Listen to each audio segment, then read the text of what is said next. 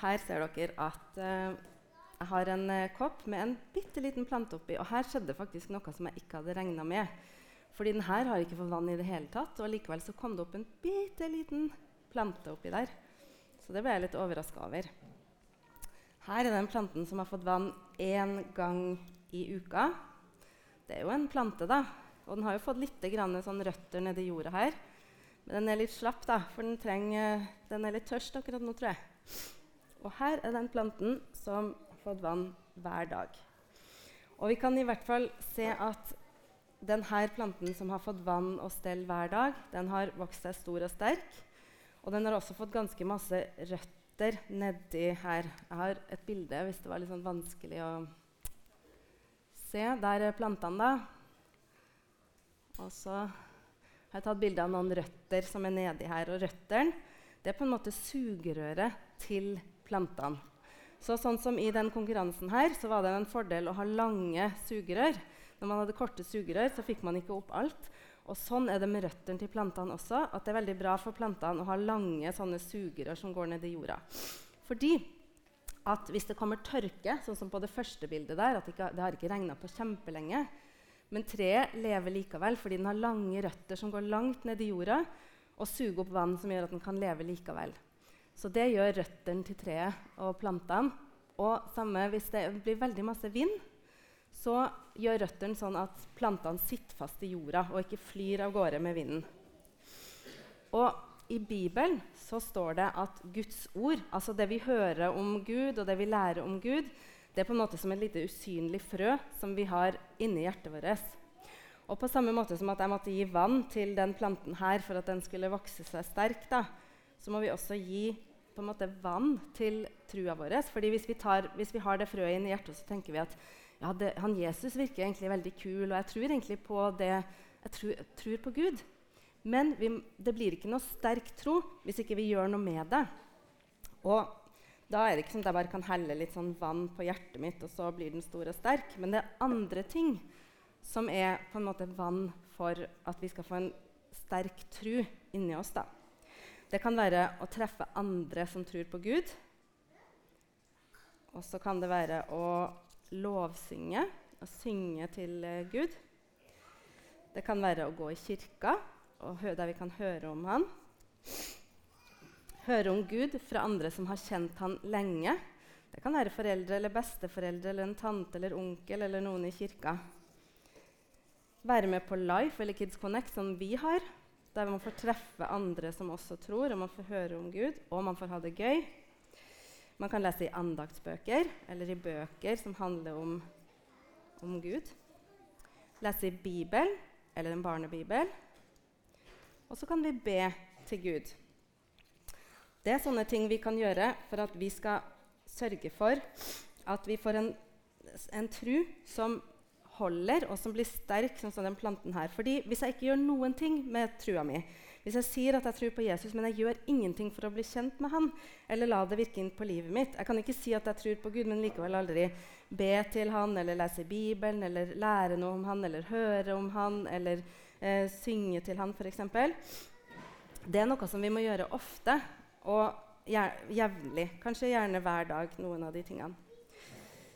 Så hvis jeg bare gjør de tingene av og til, de som er oppi her, da, så blir, blir, trua mi kanskje litt som den planten her. Det er jo en bitte liten plante, men med en gang man prøver å liksom røske litt i den, så bare fær den av. Veldig liten og tynn tro. Men hvis jeg eh, vender den av og til, så kan jeg få en eh, sånn tro som det her. Det er jo en slags tro, det òg, da. Men den er litt sånn eh, slapp og knekklett. Og hvis, sånn hvis noen sier til meg sånn 'Tror du virkelig på han der Jesus?' Eller hvis jeg drar til et sted der ikke de andre tror, da er det veldig fort gjort at den også forsvinner. Men hvis jeg jevnlig og ofte gjør de tingene som jeg putta oppi her Hvis jeg ber til Gud og treffer andre som tror på Gud, og eh, går i kirka og lærer om Gud og leser Bibelen, da kan jeg få en sånn tro som har dype røtter, sånn som det her, og som er sterk og stor, og kanskje til og med kan vi holde den oppe. Da ser vi at røttene har blitt ganske sterke. når den kan holde den planten eh, nedi der. Så akkurat som at den planten her trengte vann hver dag, trenger også trua vår på Gud og Jesus de her tingene hver dag. Vi ber, går i kirka, treffe andre som tror på Gud, lese i en andagsbok eller barnebibel og synge, lovsynge til Gud.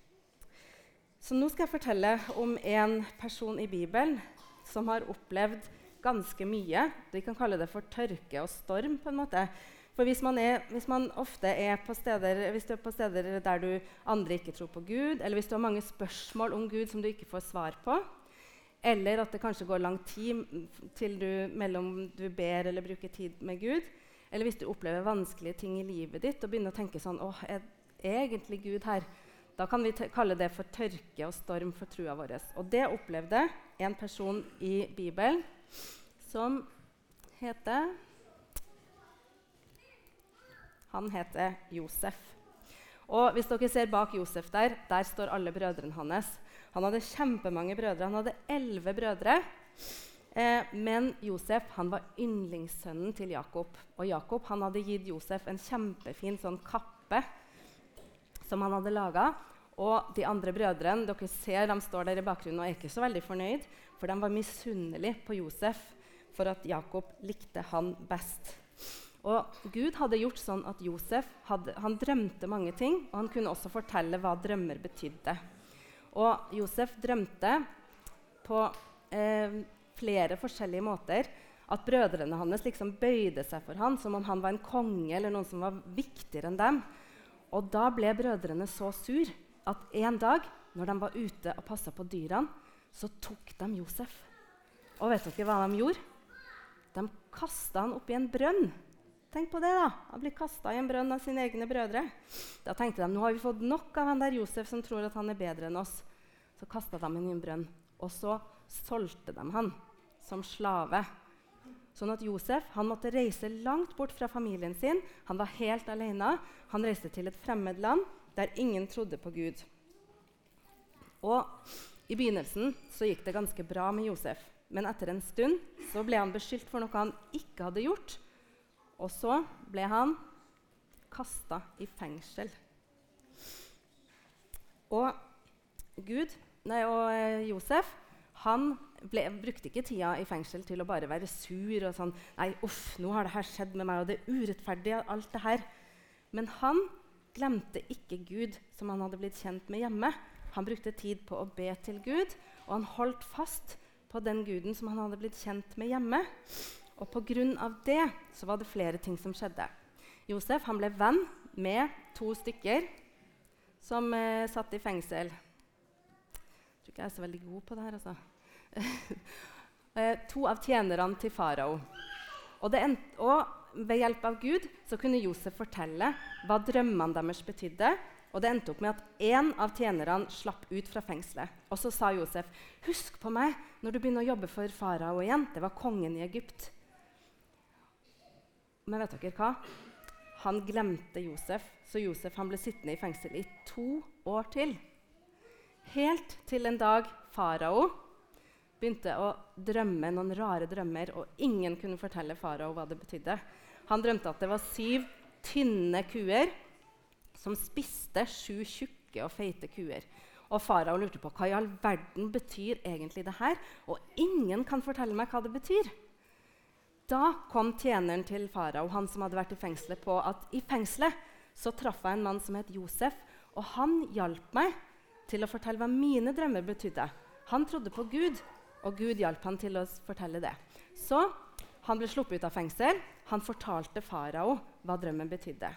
Og det som den drømmen betydde, det var at først kom det syv år der det var masse mat i Egypt. De kom til å få nok korn, så de kunne lage grøt og brød. De kom til å få masse frukt og grønnsaker, og dyrene kom til å ha masse å spise og gi masse melk og egg og kjøtt. Og så etterpå så kom det syv år med lite mat. Da kom de bare til å spise epleskrotter, og hønene var så tynne at de ga ingen egg og ingenting. Ikke kunne de lage brød og grøt heller. Og fordi at Josef han ba til Gud og fikk hjelp til å fortelle hva de drømmene betydde. Og pga. det så ble han sjef. Han ble satt som sjef for å samle inn mat.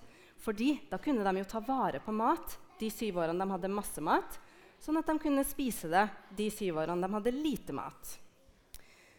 Eh, og så ble det også lite mat i Israel, og de, da kom brødrene til Josef til, til, Egypt for å få tak i mat. Og det endte opp med at Josef han tilga brødrene sine for det de hadde gjort. Enda så mye de hadde gjort eh, mot han, så sa han at eh, det går bra, jeg tilgir dere. Så Josef han opplevde ganske mange ting som vi kunne kalt for storm og tørke. Han ble kasta i en brønn av sine egne brødre. Han ble solgt som slave. Han ble sendt alene til et fremmed land der ingen andre trodde på Gud. Han måtte være slave, og han ble beskyldt for noe han ikke hadde gjort. og Han ble kasta i fengsel. Og Da ble han glemt i fengselet i mange år, og han ble urettferdig behandla. Og han hadde ikke tilgang på noen bibel eller noen andre å snakke med Gud om. Men han holdt fast på den Gud som han hadde blitt kjent med hjemme. Fordi hjemme hos eh, Josef, når han var liten, så hadde de eh, hadde de, de, blitt fortalt om Gud. De hadde feira sabbat, som på en måte var liksom søndagen deres. da. Eh, og så hadde de gitt gaver til Gud, og de hadde fortalt, og de hadde bedt til Gud. Så han hadde blitt godt kjent med Gud hjemme. Og da holdt han fast på det mens han satt i, eh, i fengsel. Og pga. det, pga. at eh, Josef fortsatt trodde på Gud, så kunne jo han be til Gud. Sånn, Gud, hva betyr de drømmene her? Og så var det han som var grunnen til at de redda masse mennesker når det ble for lite mat i Egypt. Så Josef han var en vanlig gutt, men han hadde hjertet på rett plass, og han elska Gud, som han hadde blitt kjent med da han bodde hjemme. Så vi kan eh, Josef kan være et forbilde og inspirasjon for oss når vi opplever motstand eller sorg og forvirring. Vi kan bli sånn, vi også, hvis vi passer på å, å vanne trua vår og barna våre sin tro med det her. Um, da kan det komme stormer og tørke, men allikevel så bevarer vi trua, og vi bærer god frukt. Ikke liksom hevn og hat, men nåde og godhet og tilgivelse. Um, Josef kan også være et ideal som vi som foreldre kan ønske for våre barn. Eh, at de skal få den styrken og troen som Josef har, og en tro som holder selv på steder der de fleste andre ikke tror på Gud. Og Med det så innleder vi en serie som heter 'Jesus hele livet', der vi ønsker å utruste foreldre, besteforeldre, tanter og onkler og andre omsorgspersoner til å gi en sånn type tro som tåler hverdagen, og en tro som holder der ikke de andre rundt deg tror, til våre barn. Så de neste søndagene så skal du som forelder og besteforeldre og omsorgsperson få litt eh, motivasjon og tips til hvordan og hvorfor skal vi gi eh, barna våre en sånn type tro. Og eh, en type tro som forhåpentligvis ikke kommer til å måtte leve gjennom og bli solgt som slave eller kasta i en brønn av brødrene sine, eller bli sendt til et eh, land langt borte og i fengsel. Men det som de aller fleste kommer til å ha til felles med Josef, det er at de kommer til å oppleve vanskelige ting. De kommer til å flytte hjemmefra, noen kort og noen litt lengre. Eh, og de vil befinne seg på et sted der faktisk majoriteten ikke tror på Gud, hvis de bor i Norge. Så vi ønsker at de skal ta med seg Jesus på flyttelasset når det skjer. Kort sagt så ønsker vi at de skal ha Jesus hele livet. Og Vi som kirke ønsker de neste tre søndagene å ha fokus på å gi deg som omsorgsperson til barn eh, litt sånn eh, utrustning til den jobben. Jesus, takk for at vi kan få lov å kjenne deg, og takk for at du er med oss gjennom gleder og motgang i livet. Vi ber om eh, støtte og styrke for foreldre og omsorgspersoner i den jobben som de har foran seg. Vi legger alle barna her i dine hender og ønsker å sende dem ut med en tro som eh, holder, en tro som tåler. En tro som tåler livet og hverdag og motstand og sorg og glede. En tro som holder hele livet. Da skal vi faktisk få en verdenspremiere her i Pinsekirka. Fordi Pinsekirkas Tweens og Teens Band skal spille for første gang for publikum. Og det blir skikkelig stas.